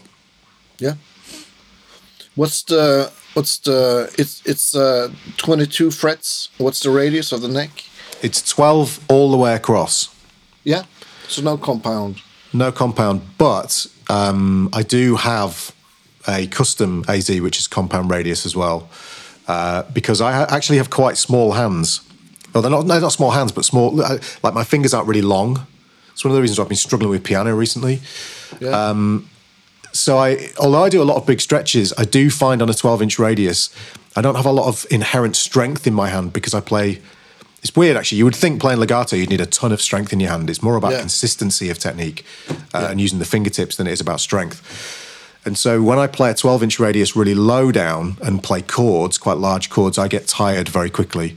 So I have a um, a compound radius one which is 10 to 14. And that right. little bit of difference, the 10 inch, you know, further down is a little bit less tiring for me. So, um, you know, any any future guitars would be uh, with Ibanez would be a compound radius for sure. It's more my bag. yeah. So what, what's your preference of strings, gauges, and Well, that's an interesting question because although I can't reveal what it is at the moment, because of fourth tuning, that is a bit of a nightmare actually. yeah, I totally get that. And I'm currently working on a custom set of strings that are coming out for fourth tuned players, which sounds like a super niche market, but there's actually a little army of us kicking around. There's quite a lot of people playing in fourth tuning, which is quite interesting. Um, but the problem, of course, is that if you use a set of tens, which would be my normal preference, you actually end up with quite heavy Yeah, uh, C yeah. and F strings for me. They're actually a bit of a pain. Yeah. Uh, so I don't snap strings ever. Very, very rarely snap strings. But to go for a bend, there's this huge inconsistency of feel between the top two strings Oh, totally. and then the lowest four strings. So it's a bit of a problem, uh, which is what we're trying to fix at the moment. So so you would go like nine and a half or nine Yeah. for the F then? Yeah. So when you so you could go nine and a half, and you could do um, I, what would it be for the uh, I forget now eleven and a half or twelve and a half. I can't remember the exact gauges. Um, but you lose some balance across the the guitar um, anyway. So you know you have to set the guitar up differently as well, and you can have intonation problems as well. So we've been I, I, I can't say who it is yet but we've been working Yeah. quite a well-known string company but i mean not like a massive string company that would be mental but quite a well-known string company and we've been working on these gauges for quite a while and we think we've come up with the perfect gauge for fourth tune players who want that compromise uh, sorry don't want that compromise so you've got in between a 9 and a 10 a 10 10 set but you've got to adjust some of the other gauges to make it work as well so that's what we've been doing and it's, Oh, it's cool. super comfy right now. I've never been happier with. I've just put up with it for years, but now I'm, I'm actually happy, happy with my strings. Yeah, you don't have to buy eight strings. No, no, exactly. Yeah, yeah, that's it. Man, yeah, I can't play on really light light strings. It's just not not doable for. Uh, it's again a little bit of a kind of misconception that for legato, the kind of legato I do, you need super light strings and a super slammed low action, and it just Yeah. I cannot play a guitar like that at all. It's just awful. It's like playing spaghetti. It just doesn't Yeah. work. Is is it because you you don't get enough grip or what's the Yeah, ba- basically you're playing a you're, you're you're playing a moving target. So every time you pull off, the string moves, and you've got tuning issues and all sorts of things going on. Yeah. I mean, for me, the best guitars to do legato on are really well set up archtop guitars with like 11s or 12s Ah, on oh, interesting. All right. because they they just have this consistency to them and a a really like big tone. So when you put energy into the string, the resonance of those guitars is such that the string just it, it maintains more of its energy as you're playing. Yeah, that's true. So they feel incredible. Like what I have an, an Ibanez AS 103, and there's a a big hollow bodied. You can't see it because it's all completely kind of blown out back there. But there's a hollow bodied um, Ibanez jazz guitar back there, the AS 200, and they are killer for legato playing. Oh. Really amazing. Cool. Yeah. No, I have a I have a, a Gretsch Black Falcon, and it's Hmm. and when you look at it, it's like it's a super big guitar, and it's but it's probably one of the easiest ones to play it that I have. Yeah, yeah. Yeah, That's they're great. you The- think when you look at it. The only thing is, if you play archtops a lot, like when I had my 175 back in jazz college, when I went back to a, uh, a, a, a kind of smaller S style guitar, you're used to your arm being out on top of this quite large body, and then suddenly Yeah. you're like this, and you're like, what? So I used to lean the guitar forward so that I felt like I was in the same playing position. Again, you just like get a- used to stuff, Yeah, yeah, and yeah. it's it's amazing how little changes can throw you off with guitar playing. Yeah. So uh, I guess I'm seeing a couple couple of amps in the background here. Uh, is this like the, the Oh yeah, nice. Is is this the room where you make your videos? I guess. It's not Or- actually. It's not, okay. Well, it, I'm I'm experimenting. Um, I've uh, you know a reasonably large house here, and uh, I, I I was in like in the UK. Uh, just so I was out the way of the neighbours. Uh, I was upstairs in one of the bedrooms, and in the UK, a lot of the houses are there's this one big bedroom, and then you could have like seven bedrooms, but they're all little box rooms, you know, small rooms. And I was in one of Yeah. those smaller rooms, and the, the the room looks it's that classic thing of you think someone's studio looks quite large, and then you see it in real life, and you're like, Jesus, you're shooting here. That's Yeah, crazy. yeah, It's tiny. Um, so my room is actually was actually quite small. So I moved all the stuff down here. Um, but I was saying to you before we started, I have an unbelievable like RF magnetic hum Oh, in here. So unfortunately, I fear I'm going to have to lug all the stuff back up there again. But Oh, no. it's just just such is life, unfortunately. Or you put tinfoil on your floor. yeah, all over the walls, everything. Yeah, just wear a tinfoil hat. yeah. there you go. They'll Yeah, help. exactly. Yeah, that's it. So uh, I watched the just before we started. I watched the the Wampler, uh, your newest Wampler video, and you were using the the Ox box. I see you have the the. I'm pointing at my computer screen here. The the Boss two. H- how do you how do you if you compare them? What do you what do you think? Well, they're quite. Uh, this is not even meant to be a diplomatic answer. They're quite different units in many ways. Yeah. Uh, so the the Ox, uh, it's made by Universal Audio, so the effects in Yeah, it yeah. sound unbelievable. Yeah. and it uses it doesn't use impulse responses. You know, they, they have a Yeah. different way of doing. I don't quite know what they're doing actually, um, how they're doing it, but it's not static impulse responses. I think So- it's probably some like the dynamic IRs that are coming out now. Something like well, that. so so the I also have down here, but on the top of the silver. Oh, you can't see it. On top of the silver jubilee, there is also a Captor X Captor by Notes, Yeah, yeah. and that that is using those dynamic IRs where they're they have. I believe what they do is they have thousands of impulse responses, and they they morph between them as you move the mics around, so on and so forth. Yeah. But the the um, the Universal Audio is using almost like an older school style form of model, modeling rather than impulse responses, but they've done it in typical Universal Audio fashion. It's like their analog modeling for their desks, you know, sorry for Yeah, their yeah. channel strips and for you know whatever. Whatever they, you know, the, the plugins that they use, and their plugins, I use a lot of their plugins, and they sound great. But the amp modeling sounds fantastic on the Ox yeah. but you are stuck to what's in it. You've got to use Yeah, the ones that are in it. There's no loading impulse responses in that thing at all. You don't need to because it sounds great. Um, but the tube amp expander is really, really versatile because it's like a Swiss Army knife for tube amps. So I've got a couple Yeah. of um, smaller, kind of like Fender Princeton style um, one by ten or one by twelve combos that are not very loud. You couldn't gig with them, but it's got a power amp built into the tube amp Yeah, expander, yeah. so you can crank that up and make them louder.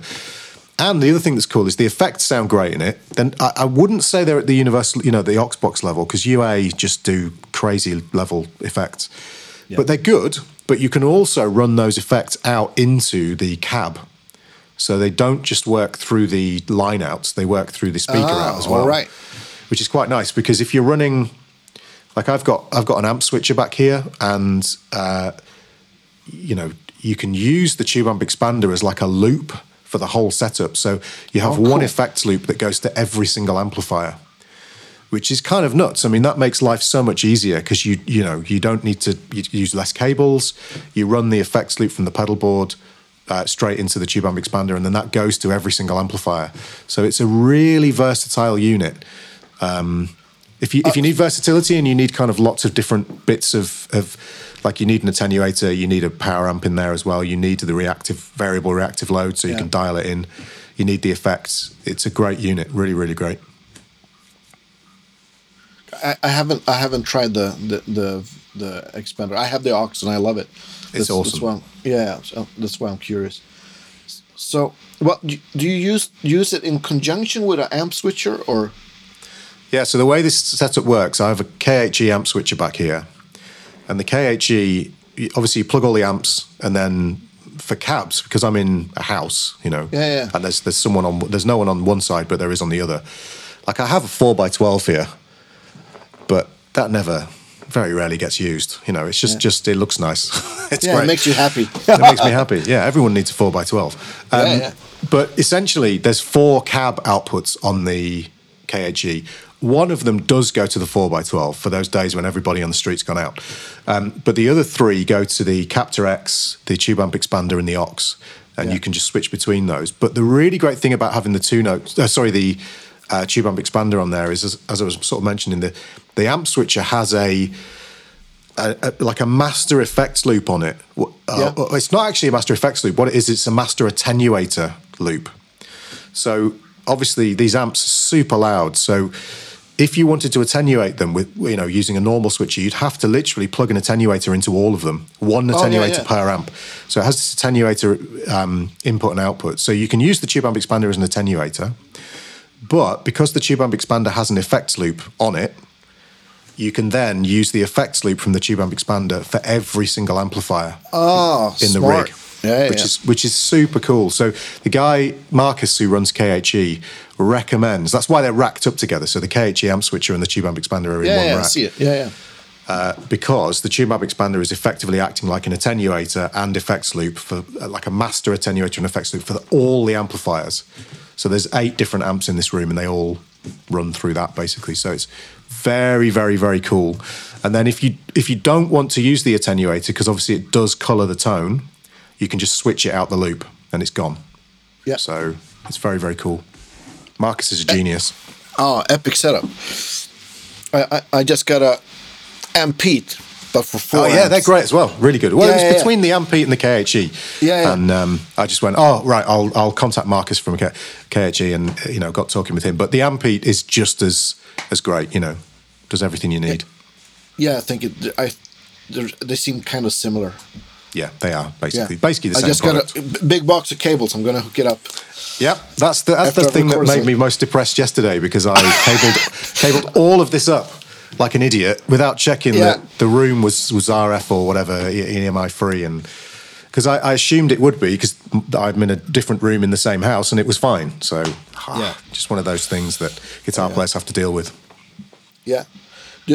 Yeah. I know you you've been using the Axe Effects quite a lot, at Mm-hmm. least in some older videos. Do you still still have it hooked up? I do. Yeah, it's just right in front of me. Um, that's really useful. I mean, a lot a lot of this stuff is stuff that you know you end up if you do gear reviews, you end up with a lot of stuff because obviously um, you'll try it out and you can see a use for it. So you'll do a deal with a company or whatever, or, or you know they'll they'll keep it on loan or whatever. But the Axe Effects is a particularly useful bit of kit for me because what I do with the Axe Effects is um, if I want to record stereo effects for somebody, I mean, I use it for the modeling as well because it's great for that. Yeah, but yeah.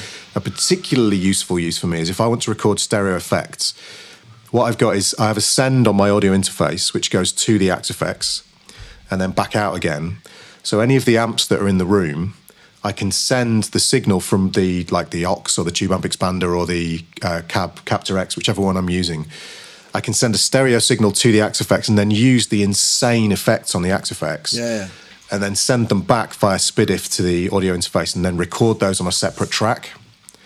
So it gives me just another way of, first of all, being able to do that. But secondly, it just sounds epic in the room. You know, it just sounds so good having a really, you know, amazing studio quality stereo effects layered on top of any of these amps Yeah, yeah, post yeah. post the, you know, the the um the atten- sorry the DI'd signal, which is just awesome. Yeah, yeah, because if you get it after the Ox or the, the Captor or whatever you use, it's like it's like adding you're adding studio effects. Exactly. it's- So, you're adding so studio effects, but you've got the real time control of the Axe effects, and you know. Yeah, you- so, so- you so- could you could do it in a DAW, but I don't have like my my audio interface is is USB two. It's a decent audio interface, but it's the latency is not. It's not one of these Thunderbolt interfaces that's got like almost zero latency. You Yeah, know. I can feel the latency if I do it through the DAW. Um, so doing it through the Axe Effects, you're just getting the digital to analog conversion, and DS is like what two, three milliseconds, four milliseconds yeah. of latency. So you don't really feel it. So that's that's why I do it that way. So And it's a great, track great unit to have. Sorry. Uh, so I, I guess you track the, the like a dry guitar and the two channels, and then then two channels of only effects. So That's it's like it. a dry dry wet thing. Yeah, because a lot of people don't. I mean, for obvious reasons, they don't want the effects on the track. You know that you're you're sending through. They want them post. And I, every time, it's very rare that I'll send some guitar to somebody and be happy with the effects they've added in post. Because Yeah. I have a particular sound in my head, a particular type of. I'm quite picky about delays. Yeah, you Um, play the sound. It's like Yeah, well, that's the other thing, of course, is that you want to track with all of that stuff. I mean, you don't want to be tracking. Well, if possible, you want to be tracking with those effects, but not not printing them down in the DAW on the track. And I, I'm just like most guitar players. I play ten times better if I've got a great sound that I'm happy with. Yeah. That's, and I, I like quite a wet sound. You know, it's just Yeah. the, the, the way I like to play. So Yeah. uh, it makes tracking a lot easier, and just generally playing, it's more fun. Like, You Totally. know, when you when you're 41, practicing doesn't hold the same charms as it did when I was 16. so if I can make it more fun by having a great tone every time I pick up a guitar, and of course you, we used to do that with super loud amps with four by twelves or you know two by twelves or whatever, and you don't need to do that now. So I can be in this environment with a, a neighbor next door, you know, Yeah. in my living room with amazing tones. So that's just killer, you know, Yeah. a decent volume through studio monitors. Yeah. So it's it's it's a great time to be alive. Well, in Oh, some totally. respects, in some respects, for guitar Yeah, tone it is, but there's Yeah, oh, yeah, going on that it's- we won't oh, mention. oh, I totally agree. Now, is uh, is the Silver Jubilee your go-to amp nowadays, or Uh, there's two go-to amps. Uh, All one is the Silver Jubilee. It just, but basically, I went to the 55 bar in New York to see Wayne Krantz, and he was put Yeah, into yeah. a Silver Jubilee, and that was it. I yeah, had to I have one. Yeah, I know. Go, going back to the thing we talked about earlier, where it's like, I want to sound like that guy. Like for me, it was Pat Metheny and Erdis. Then I had this massive Wayne Krantz phase. Yeah. I sound nothing like Wayne Krantz, but I, I, he's probably my favorite guitar player. So I bought the Silver Jubilee, and it's a new one. It's not. It's a. It's a reissue. It's not one of the old ones. I could. you- They're very hard to find and very very expensive. Maybe one Yeah, day I'll yeah. buy one. But it sounds epic, and these things are like you can buy the heads new for like nine hundred pounds in the UK. Yeah, yeah, yeah. crazy, That's crazy great. money. You know, it's so cheap. Um, But the other one is the, the just down here, this blue Lionheart, uh, Laney Lionheart, which Oh, is cool. for, for pedal platform stuff. It's it's just ridiculous for the money. I used to play. Uh, and still love these amps, by the way. And I have one in the back, one of the the, the Yeah, little Prin- Princeton style I was talking about. Yeah. Uh, that not not the little Laney that's down there. I'm trying All struggling right, to point all in the right, right direction. Just in the other room, there is a little um, Port City Merino, which is this guy um, Daniel Daniel Klein, who builds these amazing hand wired amps in North Carolina. And I used to play um, his his Pearl amp, which is a 50 watt, super high headroom, clean amp. Yeah. Uh, and the problem was whenever I was traveling anywhere, I couldn't get one. Uh, so you know you'd have to rely on whatever was being given to you. Whereas with the Laney, the Lionheart sounds ninety eight percent as good as the Port City did. Oh You wow! know, it's crazy how good that amp sounds for the money. I mean, it's it's not a cheap amp. If you're, you know, some Laney amps like this little cub that is is in the corner there, just Yeah, this yeah. one. Uh, where where are we? There is like three hundred and twenty quid. You know, it's crazy money. It sounds great. Yeah. the Lionheart's like a grand and a bit. So not not that expensive for an amp, but not cheap either. And it sounds incredible. But anywhere in the world that I find myself, I can get a, a Lionheart, no problem Yeah. You know so it's it's it's great. Fantastic. So there's that for pedal platform stuff. And then the you know a few years ago i got into into preamp gain. You know i used Yeah. to use pedals for everything. And now i'm Yeah. super into preamp gain. So that's what the silver jubilee's given me. And it's it's epic. Love it. Love it to bits. The, the the the Laney one is it a one channel? uh, it is two channels. All right. and it, it's a great drive channel on it. It's more of a kind of it's a class A single-ended thing. So basically, it's like four five watt amps stacked together. Basically, EL eighty fours, I get. uh, no six L six. All right. All right. So, uh, so it's interesting. Um, wait, uh, now I say it's six L six. Let me just check that for you because Yeah, no problem. Man. I don't think I think I'm lying to you. There, it's not six L sixes. Let me check what it is because it can't be because that's they're too too high power. Um, there we go. The clacking of a mechanical keyboard. Let's have a look. Um, surely they will tell me spec. There we go.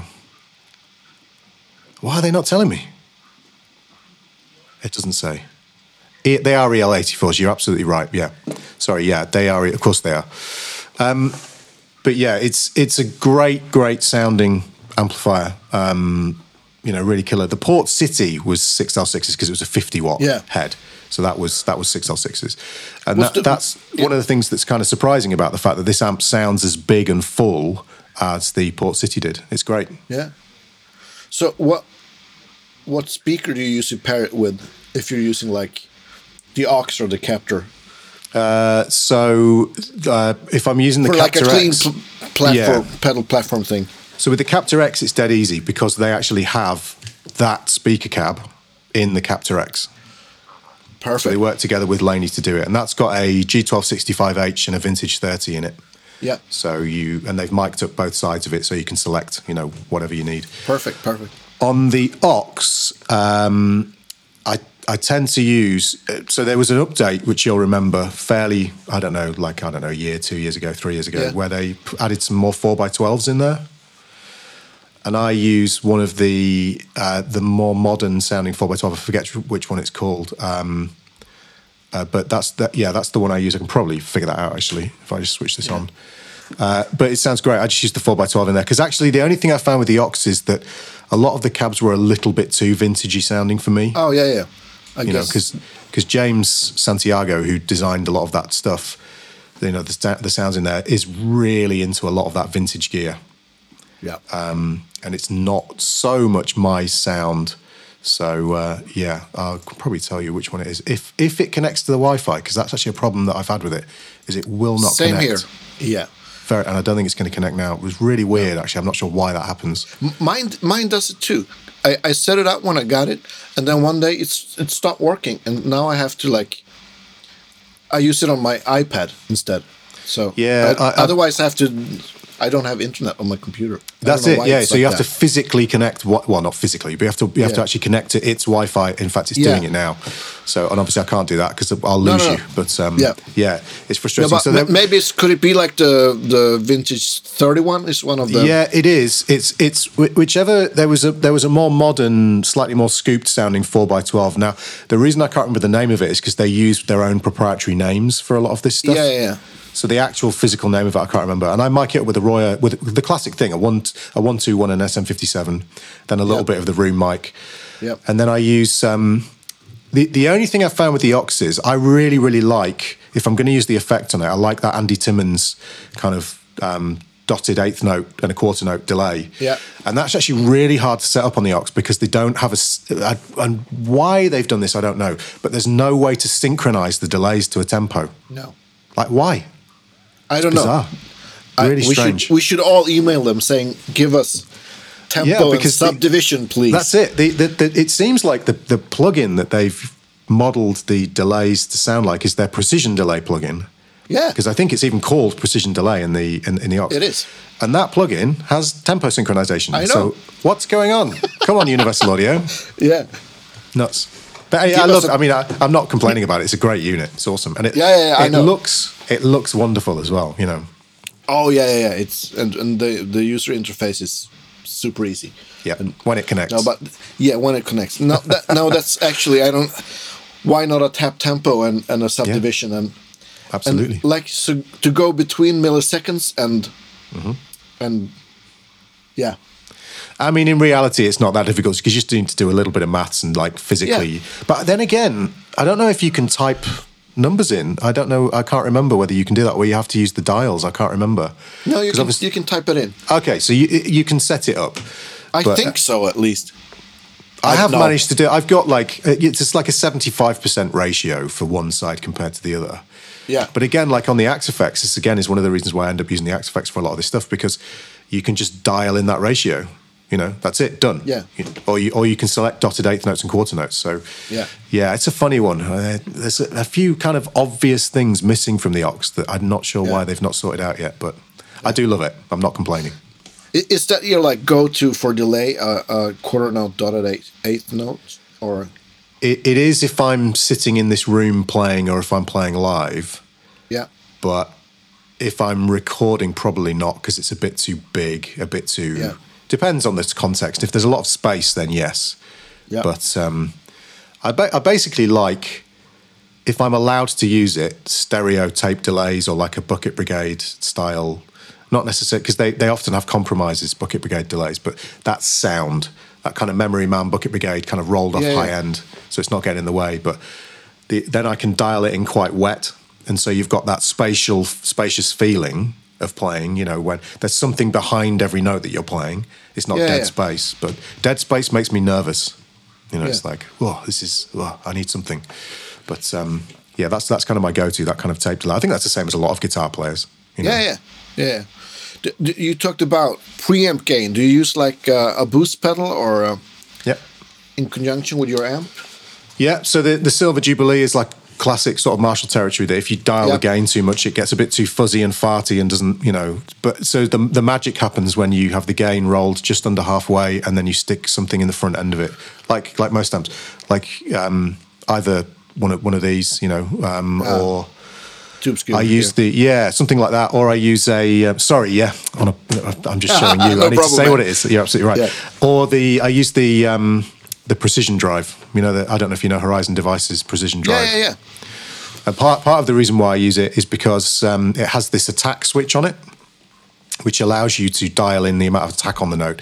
And actually, for a legato player, that's really useful Yeah. because if you you know you, you get a little bit more cut back in your signal without actually having to dial in more treble or you know dial in you know the amp in a different way. So it's a really really useful pedal for that that side of things. Yeah.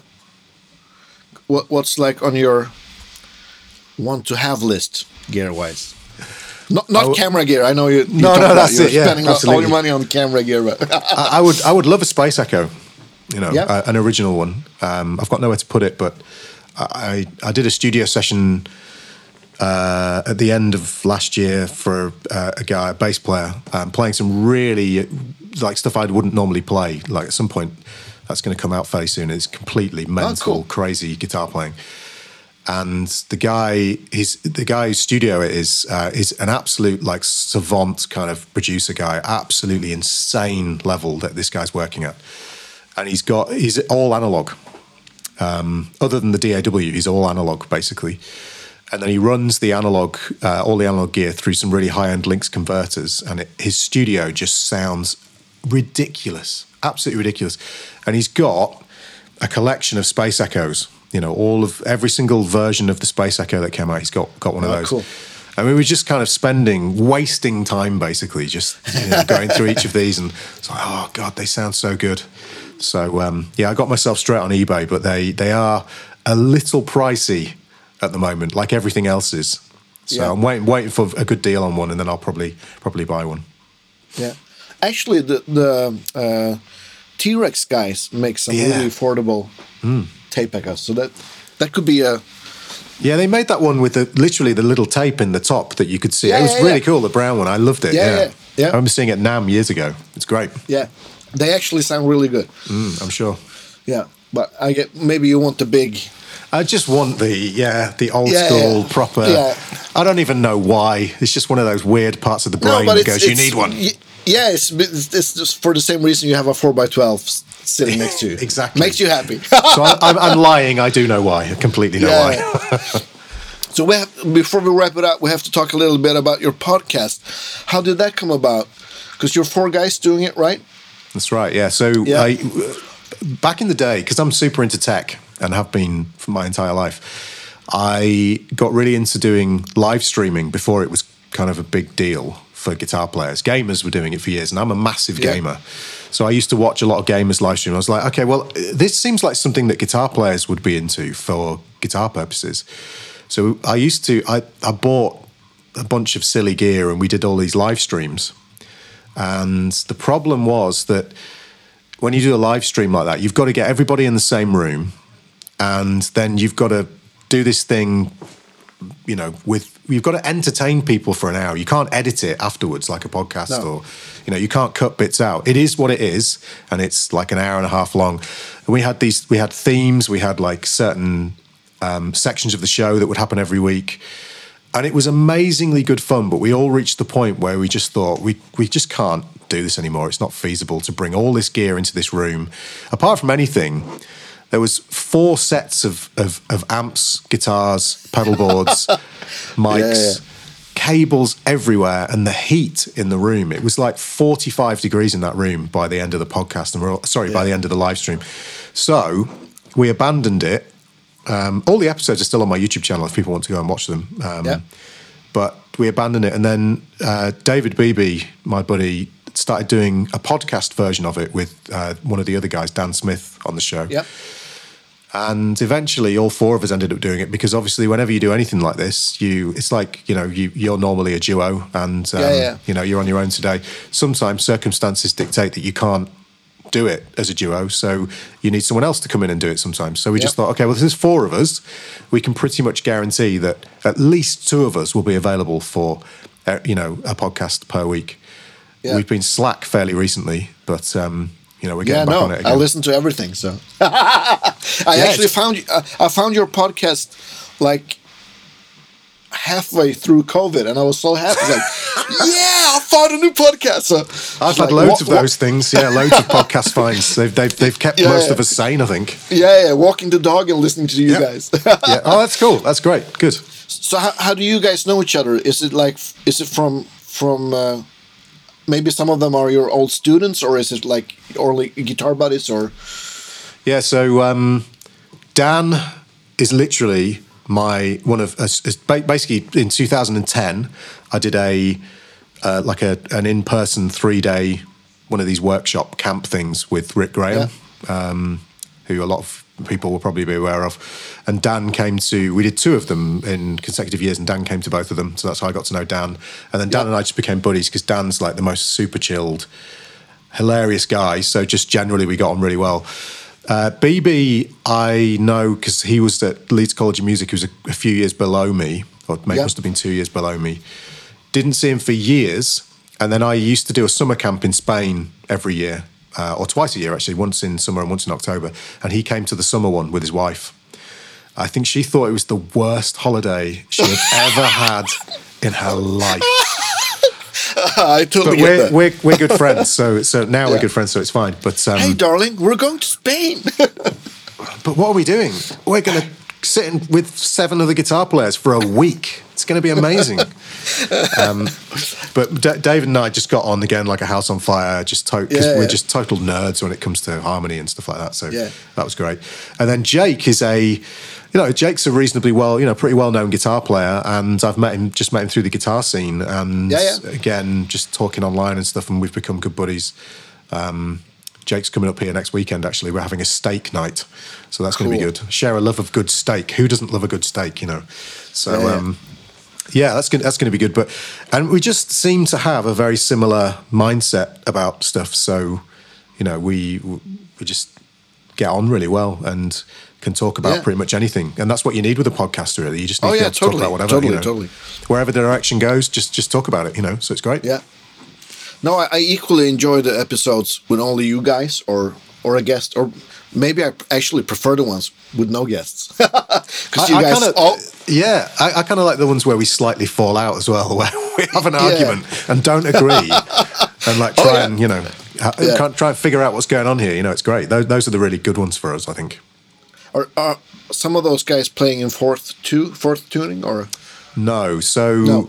Uh, although BB has quite a similar approach to me, because I mean, a lot of he, he was my student for. Uh, not not for long, but for long enough that you know there were a few things that we kind of talked about that were quite influential. Yeah. He's taken a lot of that stuff and moved it in his own direction for standard tuning, because we talked earlier about some of that stuff physically is quite difficult in standard tuning, but also the fretboard visualization approach I use is really kind of based around the symmetry of of fourth Yeah, yeah, tuning. yeah.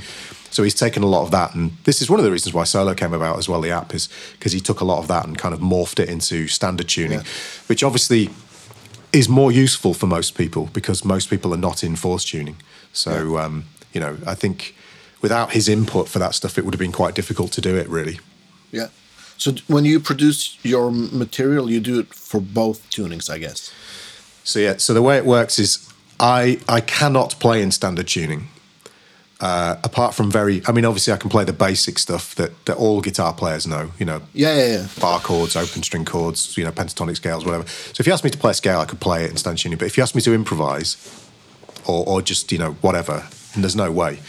Um, so what I do is I video the stuff in my tuning, and anytime it requires explanation, see a lot of the stuff I teach, it, it's not. I'm not showing people like specific shapes for things. I'm not teaching people how to play. Like here's a C major seven chord. Here's the first inversion. Here's a drop two voicing. I'm not teaching that stuff. It's more concepts.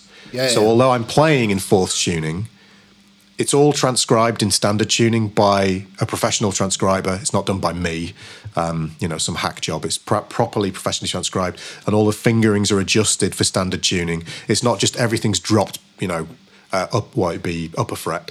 Yeah. you know, the fingerings are worked out, and then it's transcribed in fourth tuning, and anything that requires explanation in the videos, as in this is where you would be in standard tuning, is obviously explained. So it's very, very rare, very rare that I will get somebody emailing me quite angry, going, "Why are you playing in fourth tuning?" You know, I don't understand because it's not, it's not. I'm not teaching people like specific fingerings and shapes and stuff. You know, not not necessarily. One one of the hardest things I ever had to do actually was I did a a Steely Dan tuition video DVD, a double two two DVDs for Lick Library, and I had to learn all of that stuff, and I transcribed it, and had to learn like seven seven I think it was Steely Dan tunes, and you, I mean you know how diverse the guitar players are on that on, Oh that, yeah, on that stuff as It's- well. Um, It's just like all of them. That's it. All the Yeah. great session guys were on, Yeah, on those albums. And I had to learn it in standard tuning and then teach it in standard tuning. So I was, I mean, I've never had a migraine like it after after finishing Oh, the videoing of all of that stuff. It was just insane. But you know, we got we got there in the end. It was fine. cool. I'm not going to take up all your day, so thank you so much for for taking the time. My pleasure. Yeah. Thank you. It's been great. Really enjoyed it. Thank you Yeah, so yeah, much. cool, cool. And uh, once again, I want to thank our patrons and everybody buying our, our merchandise. Thank you very much. Bye. Bye bye.